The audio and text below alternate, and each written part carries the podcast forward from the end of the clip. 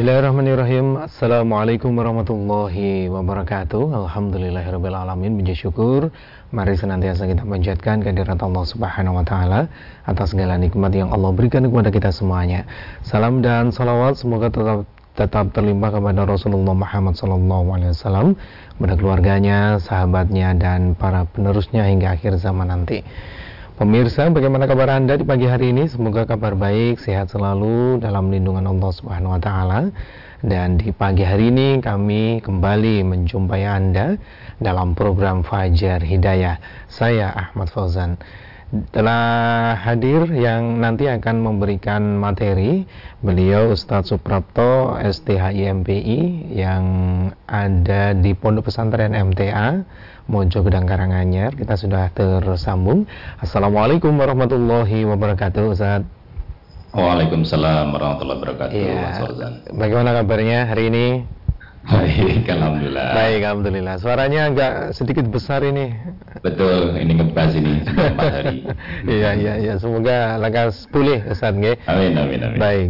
Ustaz, materi hari ini kita akan mengambil satu buah tema, hikmah kisah istri Nuh dan istri Lut. Benar nggih, Ustaz?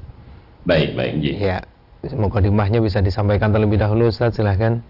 Baik, terima kasih. Bismillahirrahmanirrahim. Assalamualaikum warahmatullahi wabarakatuh. Alhamdulillahirabbil alamin al-qail fi kitabil aziz. A'udzu billahi minasyaitonir rajim. Bismillahirrahmanirrahim. Ya ayyuhallazina amanu taqullaha wa qulu qawlan sadida wa fi ba'di ayatihi huwallazi khalaqal mauta wal hayata liyabluwakum ayyukum ahsanu amala asyhadu an la ilaha illallah wahdahu la syarikalah wa asyhadu anna muhammadan abdu rasuluh Allahumma salli ala muhammad wa ala alihi wa ashabi ajma'in amma ba'd yang dimuliakan oleh Allah segenap pemirsa pendengar yang sekarang berkesempatan dan diberikan nikmat Allah mendengarkan di sela-sela aktivitas kita kajian Fajar Hidayah ini di mana pun berada. Di kesempatan kali ini tidak henti-hentinya kami juga senantiasa mengajak untuk bersyukur kepada Allah. Allah telah memberikan banyak kenikmatan kepada kita. Nikmat iman terutama yang Alhamdulillah pagi hari ini Tadi pagi atau pada sebelum subuh ketika kita bangun pun kita sudah berdoa kepada Allah. Alhamdulillahilladzi ahyana ba'da ma'amatana wa nusyur. Dan satu kesyukuran yang kemudian kita wujudkan, tadi kita sudah melaksanakan qiyamul lail, kemudian qobla subuh, subuh, hiro'ah. Dan Alhamdulillah ada satu kesempatan juga untuk sama-sama kita belajar, sama-sama kita mengingat kembali pesan-pesan Allah dalam Al-Quran karena kita meyakini dan kita sudah merasa tidak ada yang meragukan kita bahwa Al-Quran adalah pegangan kita, petunjuk hidup kita. Dan di pagi hari ini ada satu kisah yang Allah berikan kepada kita dan mungkin kita lebih khusus satu dua ayat yang terkait dengan istri Lut dahulu. Di mana ini memang menjadi satu fenomena yang luar biasa kaitannya dengan satu perilaku yang menyimpang di masyarakat kita. Dan Allah memberikan perumpamaan ini kepada orang-orang yang kafir. Di dalam surat At-Tahrim misalnya, yang kali ini menjadi satu pokok bahasan kita, di ayat yang ke-10. Di sana disebutkan auzubillahi minasyaitonirrajim. Bismillahirrahmanirrahim. Darballah jadi Allah memisalkan, memberikan permisalnya lilladzina kafaru bagi orang-orang yang beriman. Imra'atan Nuh wa Lut jadi daraballahu lilladzina kafaru imra'atan Nuh wa imra'atan Lut. Allah memberikan perumpamaan ini kepada orang-orang kafir. Perumpamaan apa? Perumpamaan istri Nuh dan istri Lut. Kanata tahta abdeni min ibadina solihain. Di mana keduanya baik istri Nuh maupun istri Lut ini di bawah pengawasan, di bawah kebersamaan, di dalam pembersamaan, di dalam satu pendidikan, dua hamba kami yang saleh, yaitu Nabi Nuh dan Nabi Lut.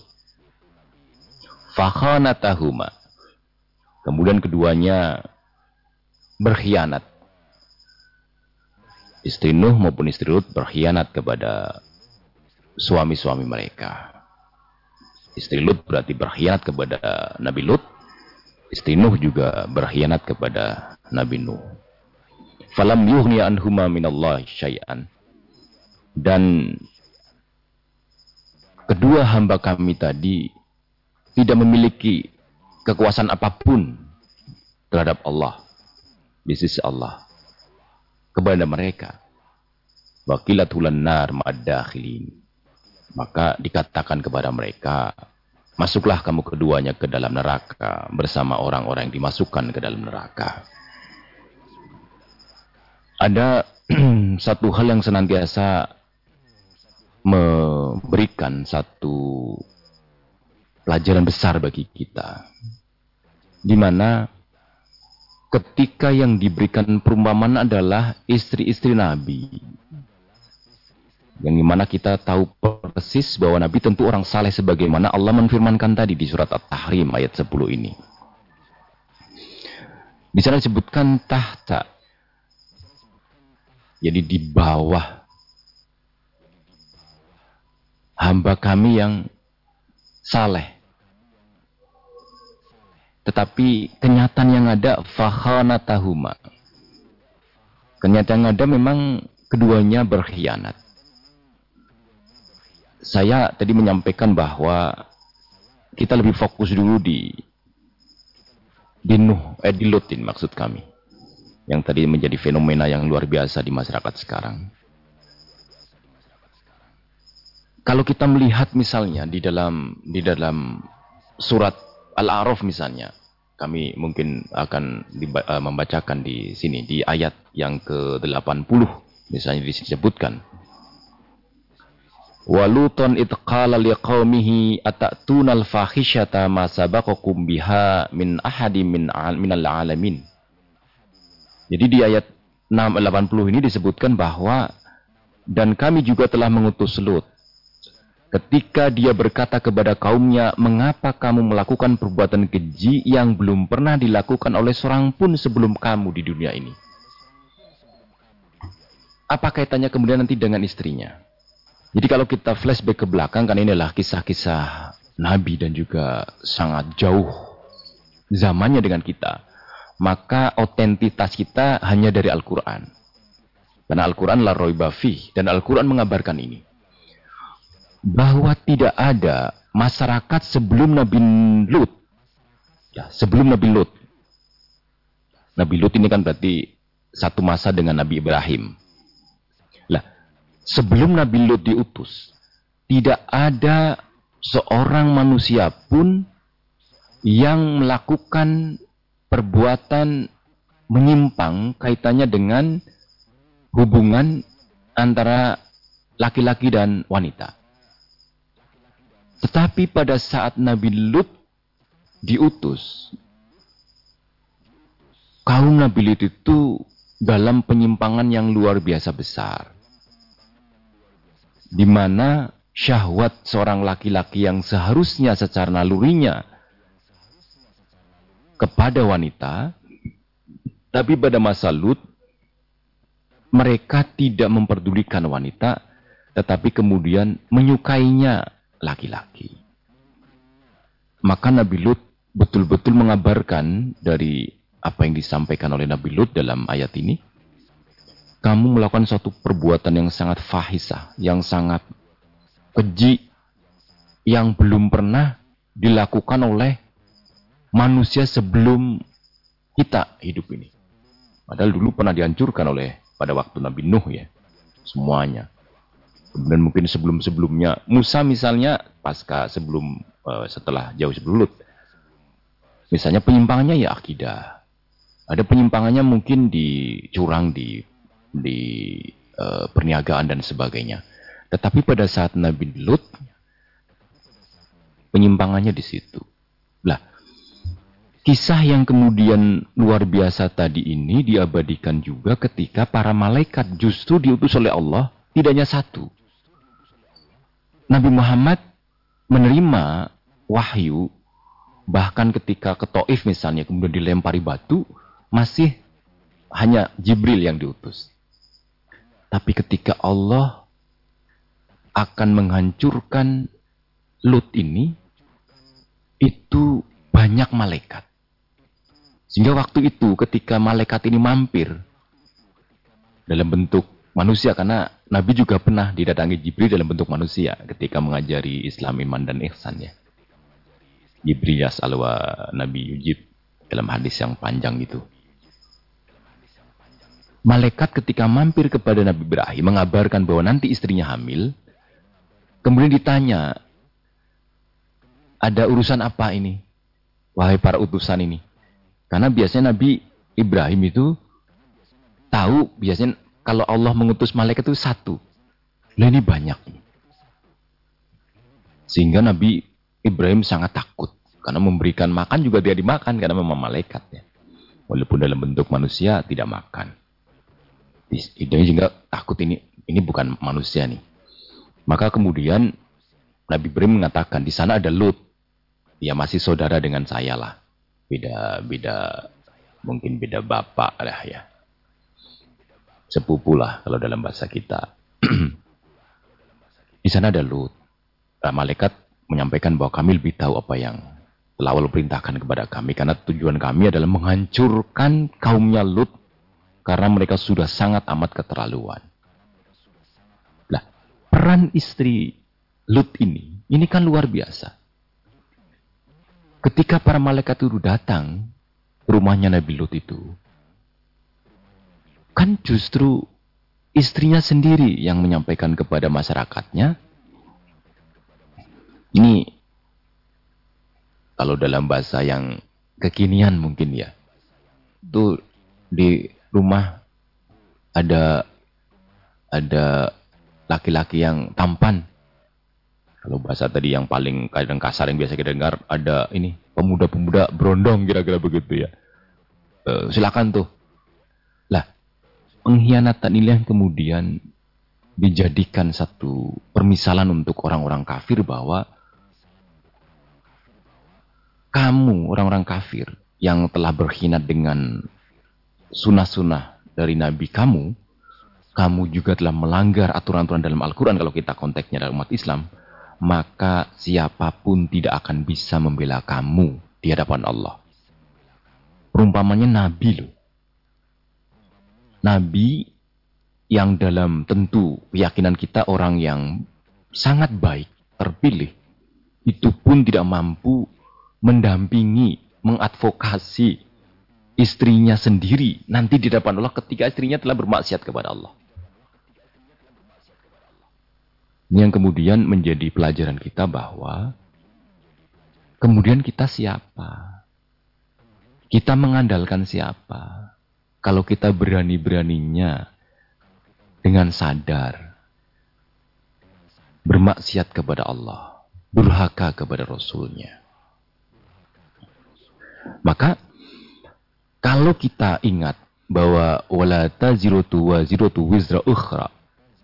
Bahwa sesungguhnya seorang atau seseorang tidak bisa memikul dosa orang lain, maka kita menjadi semakin yakin. Famayyamal misqala siapa yang berbuat atau beramal dengan sekecil apa pun, ya roh, dia akan juga melihat. Hoiron ya yaroh, Sharon juga yaroh. Ini yang kemudian perlu kita ingat di kajian-kajian kita yang senantiasa Alustad sampaikan kepada kita. Semuanya akan bertanggung jawab kepada diri kita masing-masing. Kita tidak mengenal kemudian ada yang membackingi kita besok. Semua akan bermuara siapa pun yang berbuat maka dia akan menuai. Siapa pun yang kemudian berbuat kedurhakaan, maka dia juga akan menuai apa yang telah dikerjakan. Tidak ada kemudian seorang istri ketika berbuat hal yang tidak baik akan meminta suaminya untuk menjaminnya atau seorang yang kaya raya kemudian akan meminta jaminan kepada para alim ulamanya misalnya atau pembesar-pembesar agamanya misalnya. Ini tidak akan bisa. Jadi satu titik poin yang poin besar yang perlu kita cermati bahwa kalau orang-orang yang berbuat durhaka itu menganggap bahwa mereka dengan kekayaannya, mereka dengan anak-anaknya, mereka dengan kroni-kroninya, mereka dengan kerabatnya, mereka dengan seluruh keluarga besarnya, membayangkan bahwa besok di akhirat itu sama dengan ketika dia di dunia untuk di atas atau dihadapkan dengan hukum dunia, hukum positif yang ada di suatu tempat misalnya, maka salah besar pandangan itu. Ini menjadi ibrahim juga buat kita. Artinya bahwa kita pun sama. Apalagi kita bukan orang yang punya, orang yang banyak harta. Tidak termasuk orang yang banyak kroni. Maka kalau kita berbuat hal-hal yang tidak baik, jauhkan dari perasaan kita, jauhkan dari keyakinan kita bahwa apa pun yang kita kerjakan nanti bisa ada yang mengcover, itu tidak bisa. Oleh karenanya, kita bisa mencoba untuk meyakinkan diri kita, kalaupun kita beramal saleh, apa pun yang kita lakukan, maka pada prinsipnya itu untuk kita, dan apa pun yang menjadi kedurakan kita, pengkhianatan kita kepada Allah dan Rasulnya, maka kita tidak bisa menjaminkan diri kita untuk bisa sukses bisa lepas dari ancaman yang Allah berikan kepada kita dan kemudian di ayat ini memberikan satu penegasan. Tulan nar dan dikatakan kepada yang masuklah kamu keduanya ke dalam neraka. Madakhilin bersama orang-orang yang masuk. Oleh karenanya kami di dalam mimbar yang terhormat ini dalam suasana yang masih fresh ini, marilah kita senantiasa meningkatkan kebaikan-kebaikan kita. Ini mudah-mudahan bisa didengar Mas Fauzan ya. Masih bisa dengar ya? Oh iya, baik. Karena mungkin ada sedikit gangguan. Baik, kami lanjutkan. Nah, kemudian kami perlu mengingatkan juga bahwa Bagaimana kemudian seorang istri itu bisa berkhianat di mana pengkhianatan ini bertolak belakang dengan dia istri dengan suaminya kan harusnya nyaman nih. Secara secara narulinya tentu syahwatnya kepada kepada laki-laki ketika seorang istri kepada suaminya maksud kami. Tapi bisa malah memberikan satu provokasi kepada masyarakatnya itu untuk mendatangi tamunya Nabi Lut. Padahal tamunya Nabi Lut yang berombong-berombong tadi mungkin bisa lebih dari, jelas lebih dari dua ya. Karena mursalun itu kan berarti yang diutus banyak. Jama, jama itu berarti lebih dari dua. itu para malaikat.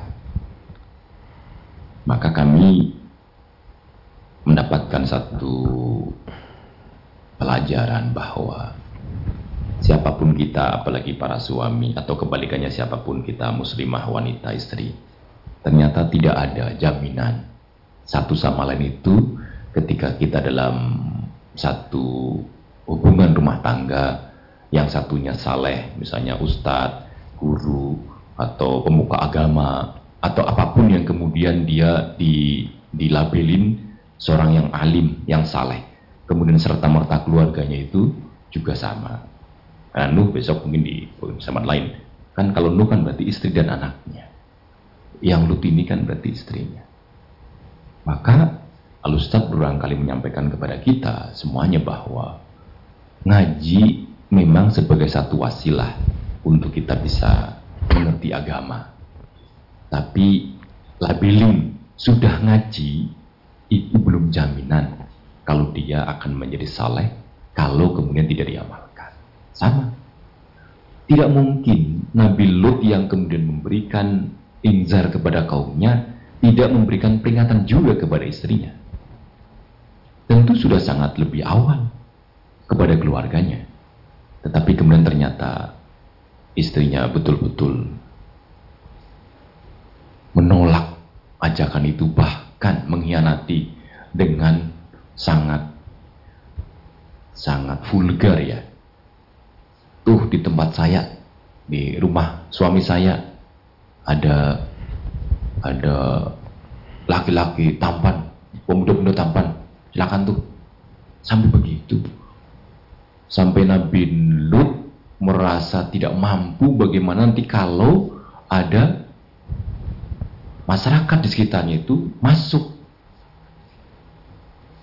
ketakutan yang luar biasa itu kemudian disampaikan oleh malaikat jangan takut karena kami diutus untuk menghancurkan mereka maka dalam dalam ayatnya mereka nanti diselamatkan pada waktu subuh ya.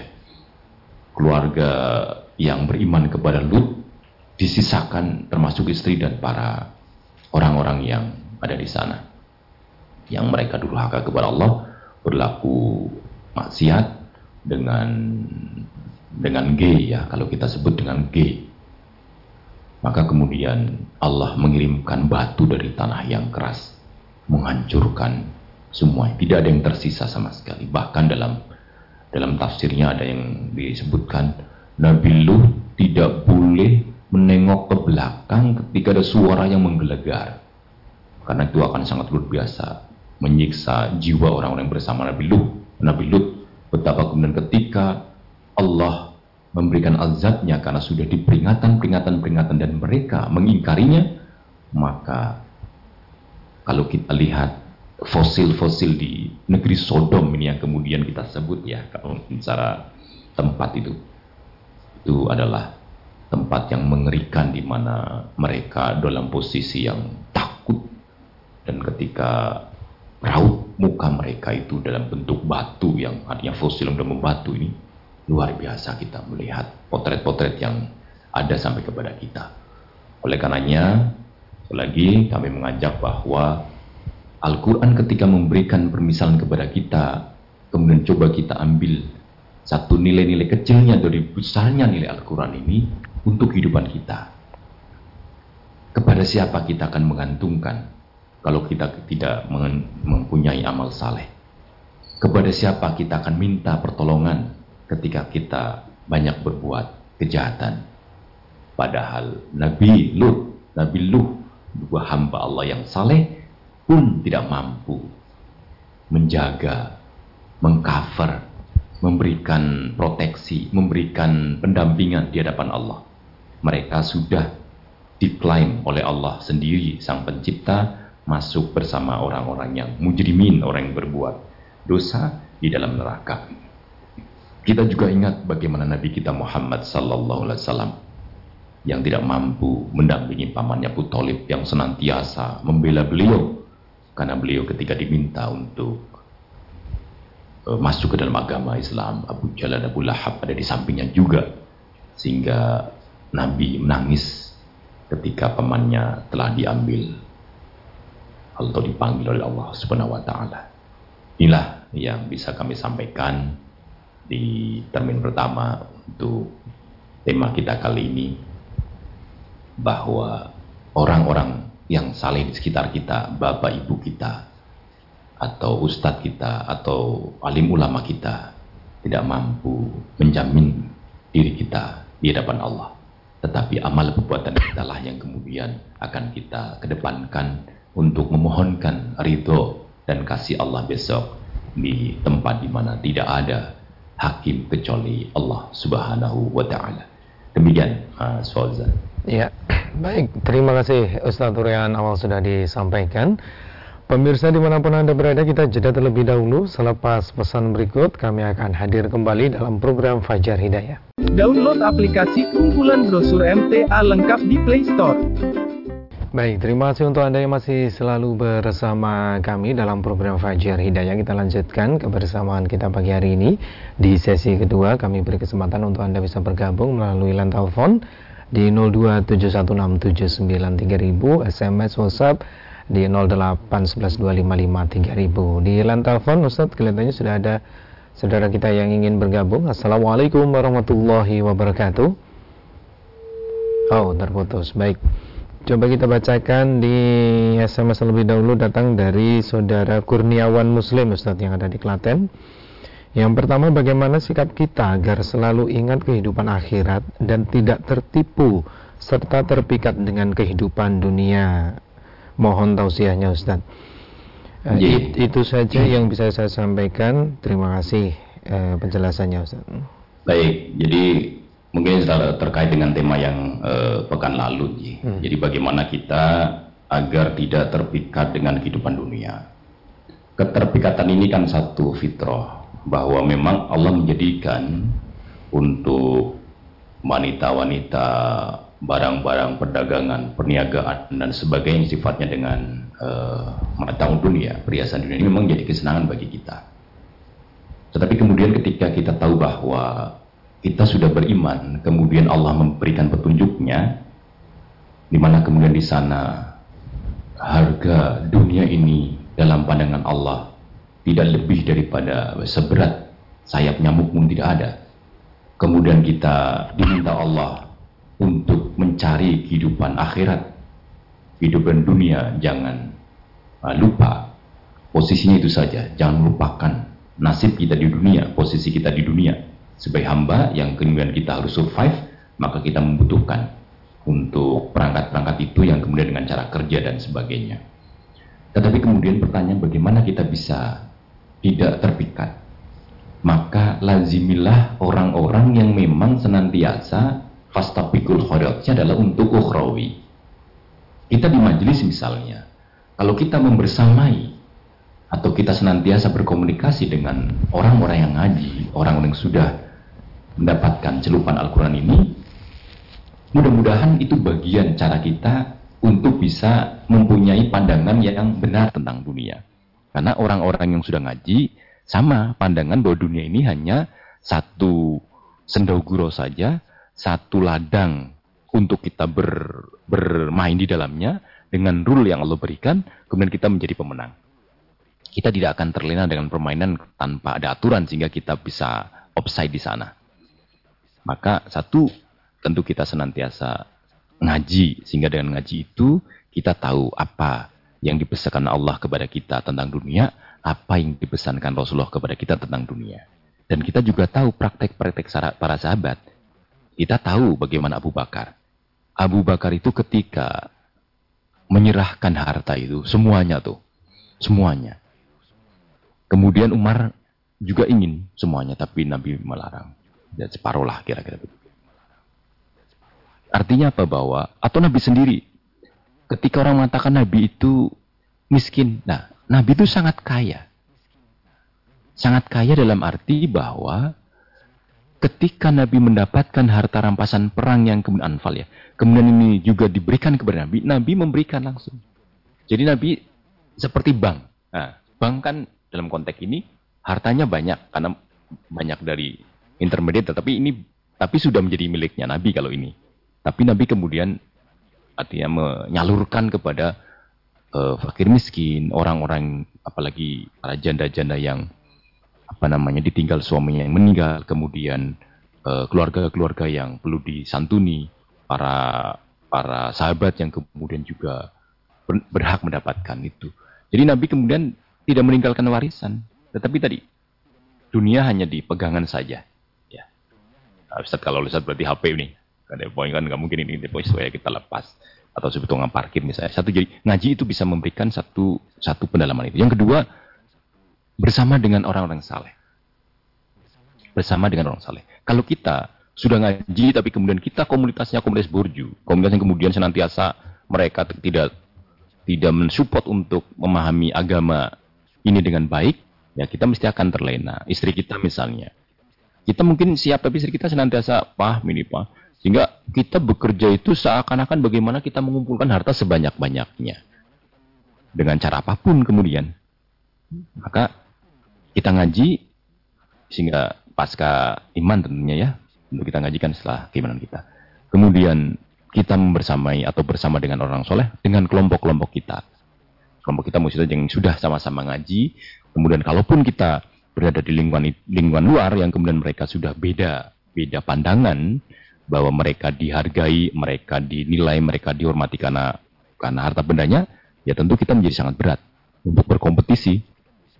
Maka kemudian senantiasa kita mendekat kepada Allah dengan cara sholat yang lebih kita tingkatkan kekusuannya bahwa kita betul-betul akan ketemu Allah. Apa yang akan saya bawa, harta apa yang saya peroleh, toh akan ditanya besok di akhirat. Maka dari mana saya mengambilnya? Untuk apa saya membelanjakan ini? Itu menjadi pertimbangan kemudian bahwa kenapa saya harus mencari banyak-banyak dunia kalau nanti saya tidak mampu memastikan bahwa ini saya ambil dengan baik. Nanti akan saya bisa manfaatkan dengan baik.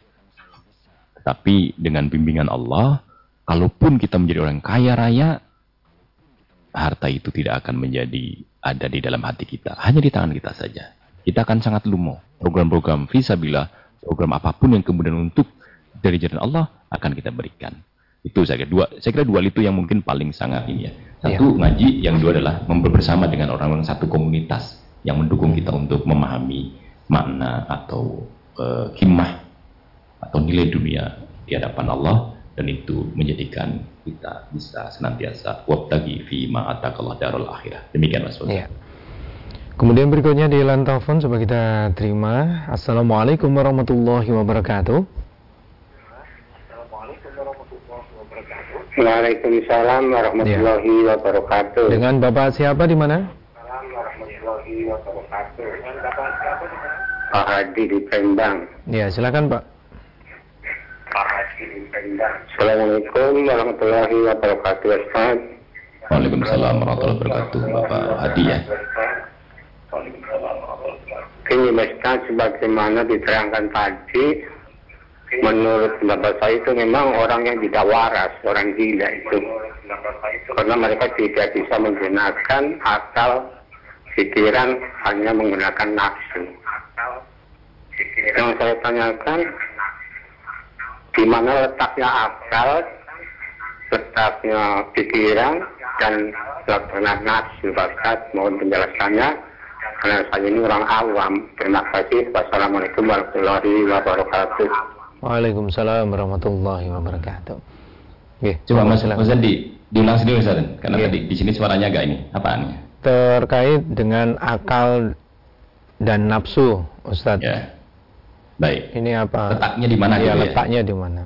Baik. Jadi ketika kita kita lihat akal-akal otak ya, otak itu itu dalam bahasa Al-Quran tidak pernah tersebut akal itu ya akilun, tetapi kolbun, kolbun, hati, hati yang hati kita itu yang kemudian berpikir, menimbang. Jadi karena kita ada ruh, kemudian di sana ada rasa, ada hati kita. Keimanan kita di mana? Rasa iman kita di hati. Maka ketika Nabi memberikan isyaratnya hahuna, at-taqwa hahuna. Maka ketika kita bicara otak iman, otak adalah otak akal ini. Tetapi kemudian yang berakal adalah, yang berpikir adalah hati. Untuk menimbang. Kalau akal yang dimaksud akal ini adalah akal untuk mencerna. E, rasionalitas itu. A, satu tambah satu, dua, dan sebagainya.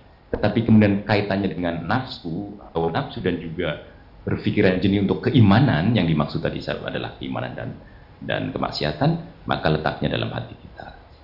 Demikian Pak Rohadiah. Jadi dalam hati ya. kita itulah yang uh, yakilun, yang berfikir, yang kemudian Allah menyetirnya dengan lahum kulubun la yakiluna biha. Demikian. Ya.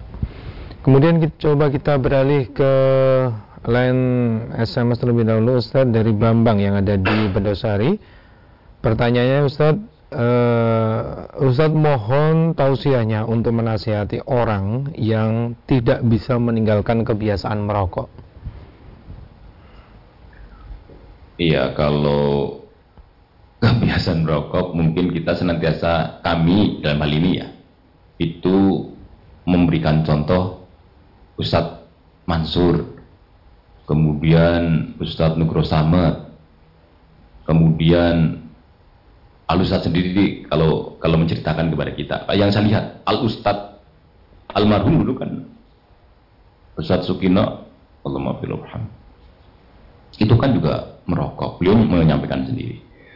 Intinya kita mau untuk berhenti. Saya dulu merokok di pondok, karena di sana waktu itu boleh yang yang besar-besar itu tahun 93 lah sampai 956 itu.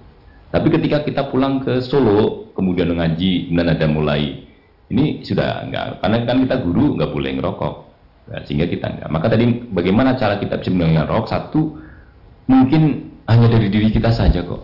Saya tidak mau merokok lagi karena ini tidak baik untuk saya. Yang terpampang di apa apa namanya itu uh, bungkus rokok kan kelihatan sekali. Sampai kemarin pemilik Sampurna misalnya kan ada di, di YouTube sehingga saya sebut ya. Itu kan segmennya untuk siapa gitu? Segmennya ya untuk semuanya. Nah untuk anak-anak ya kalau bisa anak-anak tidak lah. Yang penting yang dewasa kira gitu. Bapak merokok enggak? Enggak. Luar biasa kan? Jadi yang memproduksi pun tidak merokok. Karena dia tahu itu enggak baik untuk kesehatannya. Tapi secara ekonomi itu luar biasa mereka mendapatkan keuntungannya. Maka tadi, kita secara pribadi bahwa rokok tidak baik untuk saya. Saya dilarang untuk menyakiti diri saya. Saya dilarang untuk membunuh diri saya. Karena itu larangan. Luka. Oleh karenanya kami berharap bagaimana cara kita beri merokok diri diri sendiri dulu, baru kemudian treatment mungkin dari berapa ke berapa. Karena memang saya tidak ahli dalam itu karena saya mudah saja waktu itu ya. Cuma eh, kami berharap bahwa eh, kita ketika ketika ingin mengazamkan sesuatu, kita bertawakal kepada Allah. Biar Allah yang menolong hati kita. Yang kemudian kita nggak usah beli eh, kan gitu gitu beli beli ya untuk fakir miskin tadi untuk yatim apalagi kita sehari dua bungkus sudah empat puluhan ya tolong bisa ditaruh di umplung kira-kira begitu dalam bahasa yang paling mudah ya. Artinya kita nggak beli. Kemudian tadi bergaul ya dengan orang-orang yang tidak merokok. Kalau kita bergaul dengan orang yang merokok ya nyaman saja kita dikasih itu ditawani lah walaupun hanya ini. Jadi gitu Mas Wanjaga memang ini agak ini agak tidak tidak beda-beda cuma tadi. Satunya intinya adalah kita semangat siap untuk meninggalkan rokok. Maka treatmentnya kita bisa tahu hmm. masing-masing itu dengan lingkungannya itu Mas Wanjaga. Coba kita kembali ke line telepon sudah ada saudara kita yang ingin bergabung silahkan. Assalamualaikum warahmatullahi wabarakatuh.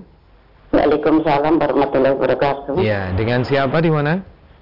Bu Sudiono di Sukorejo. Iya, silakan Ibu. Assalamualaikum warahmatullahi wabarakatuh, Ustaz. Waalaikumsalam warahmatullahi wabarakatuh.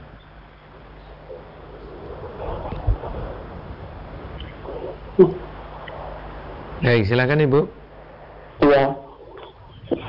Ini hari hari Jumat kalau hari Jumat itu disunahkan mandi besar kalau mau sholat Jumat.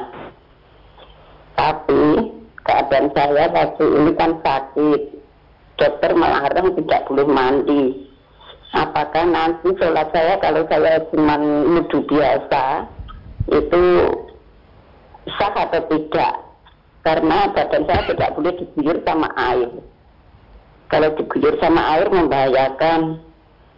Bisa anu penyembuhannya lama kata dokter begitu. Ya yang saya tanyakan apakah saya nanti sah? Kalau saya cuma wudhu aja. Ya begitu. Terima kasih. Assalamualaikum warahmatullahi wabarakatuh. Waalaikumsalam warahmatullahi wabarakatuh. Gitu. baik. Silakan. Kalau yang saya tangkap tadi anu ya karena sakit ya iya karena sakit Ustaz tidak bisa tidak diperbolehkan dokter untuk mandi besar ya. gitu. baik ya nggak nggak usah mandi ibu nggak usah mandi jadi nanti kalau kita di Jumat, hari ini misalnya, karena kita nggak boleh kena air, membahayakan kita, kita nggak usah mandi, tidak mengapa. Tapi kalau nanti hari Jumat ini ternyata kita berjunub atau dalam keadaan junub, nah maka kita di di syariatkan, diperbolehkan, di sana ada rukhsah, kita dengan tayamu. Tapi kalau kita tidak berjunub, cukup kita untuk ketika akan sholat karena kita hanya hadas kecil saja, ya kita berwudu. Kalau berwudu nggak bisa karena mengenai anggota tubuh kita yang nanti juga menjadi lama lagi untuk sembuhnya, ya tayamum. Itu saya kira bagian yang Ya. bisa kita ambil rukhsah itu. Hmm. Demikian Ibu, insya Allah nggak masalah. Kemudian berikutnya coba kita bacakan pertanyaan kembali di eh, SMS. Hasan yang ada di Demak mau bertanya seandainya kalau sholat duha dua rakaat terus ditambahi sholat sunnah mutlak dua rakaat apakah boleh? Ustaz mohon penjelasannya. Boleh. Jadi sholat duha itu itu kan minimal dua rakaat, maksimal delapan. Kalau kemudian pertanyaan tadi setelah dua akan ditambah sholat mutlak, terserah berapa rakaatnya, selama tadi di- di- tidak diniatkan duha ya, itu tidak mengapa. Tetapi ketika waktunya waktu duha, ya mutlaknya itu masih masuk dalam kategori delapan. Selama artinya tadi misalnya dua kemudian mutlak dua dua kan baru enam. Langsung saja kita sholat dua rakaat salam dua rakaat salam sampai delapan itu sudah nggak masalah. Jadi boleh saja bapak. Ya. Di line telepon sudah siap? Assalamualaikum warahmatullahi wabarakatuh. Halo, assalamualaikum. Waalaikumsalam warahmatullahi Ya. wabarakatuh. Dengan bapak siapa di mana? Eh, hamba, hamba Allah di Kaltim. Ya, silakan Pak hamba Allah. Eh, ya tadi dijelaskan bahwa eh, masing-masing nanti di akhirat itu bertanggung jawab sendiri. Ya. Eh, istri bertanggung jawab sendiri, suami, anak. Nah, saya pernah dengar eh, ceramah dari Ustadz bahwa eh, nanti kalau seorang suami eh, di akhirat eh, bisa menolong keluarganya yang sesama muslim. Eh, mungkin bisa men- kalau keluarganya ada di neraka bisa diangkat oleh suaminya. Nah, begitu dengan tausiah yang tadi hubungannya bagaimana memang eh, begitu atau bagaimana gitu. Dan penjelasan Assalamualaikum warahmatullahi wabarakatuh. Waalaikumsalam warahmatullahi wabarakatuh. Coba Mas Ozan diulang lagi biar saya tidak salah tangkap tadi. Oke. Karena agak susah. Jadi tadi yang dipertanyakan eh, kalau tadi materi dijelaskan oleh Ustadz setiap diri itu bertanggung jawab atas dirinya masing-masing di akhirat. Betul, kemudian iya. yang ditanyakan eh, kalau ada seorang suami kemudian menolong keluarganya yang masuk neraka kemudian diangkat masuk surga itu bagaimana Ustadz? Baik. Eh, kami tentu ketika berbicara untuk masalah akhirat itu kita samiyat semuanya. Hanya apa yang kita dengar dan kita baca. Kata dengan dibaca berarti berdasarkan Quran dan sunnah kita. Kalau kemudian dalam Al-Quran, wala taziratu wizra ukhra, sudah disebutkan bahwa setiap orang tidak bisa me, apa namanya memikul dosa atau atau beban yang dilakukan orang lain kepada dirinya.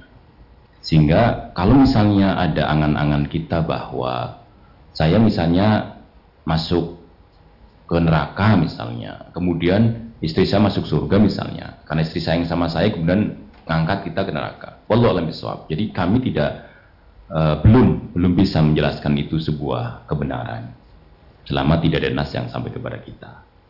Maka yang kami pegang bahwa bagaimana tadi ketika kita sudah bermaksiat kepada Allah, maka kalau kita seorang istri, maka suami tidak bisa menjamin kita. Kalau kita seorang suami, istri kita tidak menjamin kita atau bapak kita menjamin kita. Semuanya mempertanggungjawabkan diri sendiri masing-masing. Tetapi berbeda kasusnya ketika besok di hukum Allah, dalam mahkamahnya Allah, dalam persidangannya Allah itu ada dua orang. Dua orang ini ini punya dosa nih, punya dosa. Kemudian ini baik. Kan manusia tidak mungkin semuanya senantiasa berbuat baik. Pernah berbuat zalim, maka sang ini yang tadi banyak dosa meminta kepada Allah, saya minta keadilan terhadap apa yang dilakukan si A kepada saya. Nah, itu proses.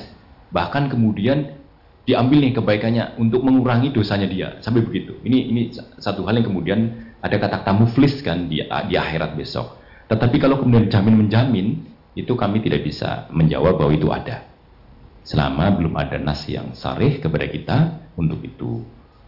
Maka kami saya pribadi dari apa yang saya pahami dari kajian yang ada, dari sependek yang kami pahami memang besok kita akan bertanggung jawab kepada diri kita masing-masing. Ya. Demikian.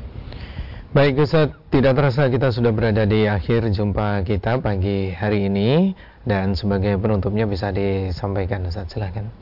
Baik, terima kasih dari Bapak dan Ibu dan Saudara.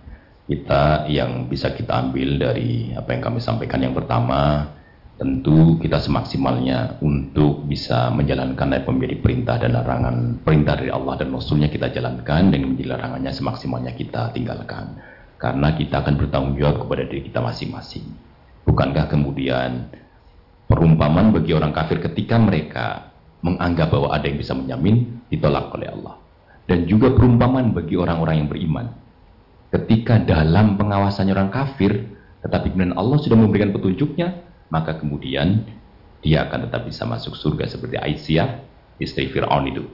Aisyah, istri Fir'aun itu tetap masuk surga. Walaupun Fir'aun adalah luar biasa kafirnya dan tohonya. Tetapi kemudian Allah memberikan itu. Artinya ini perumpamaan yang nanti di surat Tahrim ya, ayat 10 sampai akhir, itu demikian. Oleh karenanya, kami berharap memberikan satu peringatan kepada diri kami mumpung Allah masih memberikan nafas kepada kita sebagaimana doa kita alhamdulillahilladzi ahyana ba'da ma amatana. Jadi setelah kita dibangunan Allah hari ini kita azamkan di hari yang besar ini di hari Jumat. Kita niatkan untuk lebih baik daripada kemarin secara kualitas. Kalau kuantitasnya mungkin bisa disamakan dengan kegiatan-kegiatan rutin maka secara kualitas kita bisa lebih baik lagi bisa meningkat lebih baik lagi. Kemudian kita tadi ada satu uh, cerita terkait dengan Lut. Kita betul-betul berhati-hati bahwa keluarga kita pun tadi apalagi istrinya itu bisa berubah ya. karena kondisi lingkungan yang luar biasa menekan dan sebagainya sehingga istri Lut termasuk orang yang ditinggal dan termasuk orang yang dihukum oleh Allah Subhanahu wa taala. Maka dalam keluarga kita, kita hati-hatiku anfusakum wa ahlikum nara Pergaulan sekarang sudah luar biasa. Pergaulan maya kita sudah luar biasa. Orang bisa masuk mampu mempengaruhi siapa pun anggota keluarga kita, bahkan kita sendiri.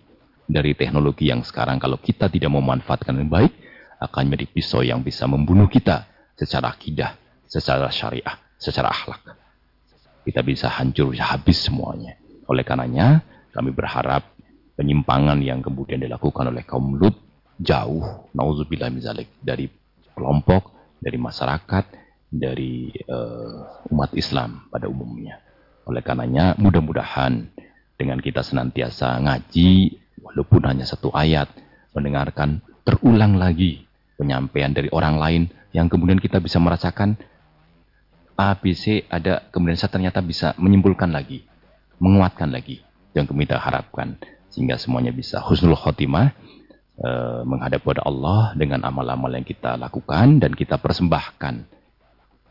Kita kedepankan ini amal-amal yang mudah-mudahan Allah ridho pada amal ini sehingga Allah memberikan surganya kepada kita semuanya.